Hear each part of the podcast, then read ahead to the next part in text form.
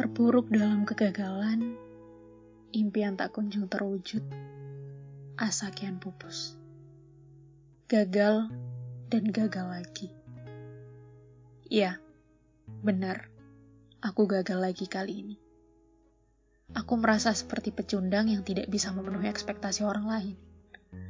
Lidahku bagai keluh diamku di sudut ruang usang ini sendiri merintih sukmaku sunyi.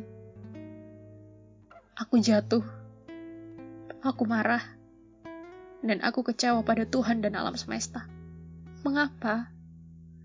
Mengapa engkau tak biarkanku berhasil? Apa usahaku kurang? Atau doaku yang kurang kuat Tuhan? Aku rasa aku sudah melakukan segalanya dengan sepenuh hati. Aku belajar dari pagi hingga pagi sampai aku lupa bagaimana rasanya tidur yang nyenyak. Bahkan aku sampai tidak tahu bagaimana keadaan di luar sana apakah bumi membaik atau semakin memburuk.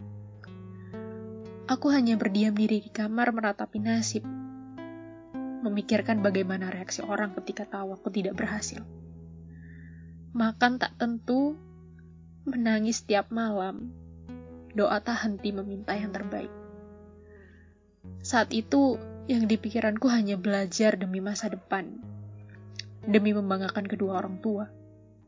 Sungguh pada saat itu aku tidak memikirkan bagaimana keadaan tubuhku. Yang terlintas di benakku hanyalah dua orang yang semakin menua. Aku sempat depresi, takut, dan malu berhadapan dengan orang lain. Aku malu mendengar ocehan orang lain tentangku. Tentang mereka yang dengan bangganya menceritakan dan bertanya, mengapa aku bisa gagal. Berminggu-minggu, bahkan berbulan-bulan menyendiri menyalahkan diri sendiri, berdiam diri di kamar. Lalu, tidak sengaja, aku melihat sebuah kalimat dari Bung Versa yang mengatakan bahwa, ya, namanya juga hidup. Apa yang dicita-citakan tidak selalu sejalan dengan kenyataan. Tapi kita pasti memiliki sebuah pilihan. Diam untuk menyesali bencana, atau bergerak untuk menyusun rencana. Aku merasa seperti tertampar dan tersadar. Kini, ku coba untuk tegak berpancang tubuh menantang badai. Ini bukan waktu untuk bersedih lagi. Ini adalah waktunya untuk bangkit. Buktikan pada mereka bahwa aku bisa, bahwa kita bisa, dan membungkam semua omongan mereka. Kegagalan ini bukan salahku, bukan juga kesalahan kita, bukan juga kesalahan Tuhan. Yang salah adalah penyesalan ini.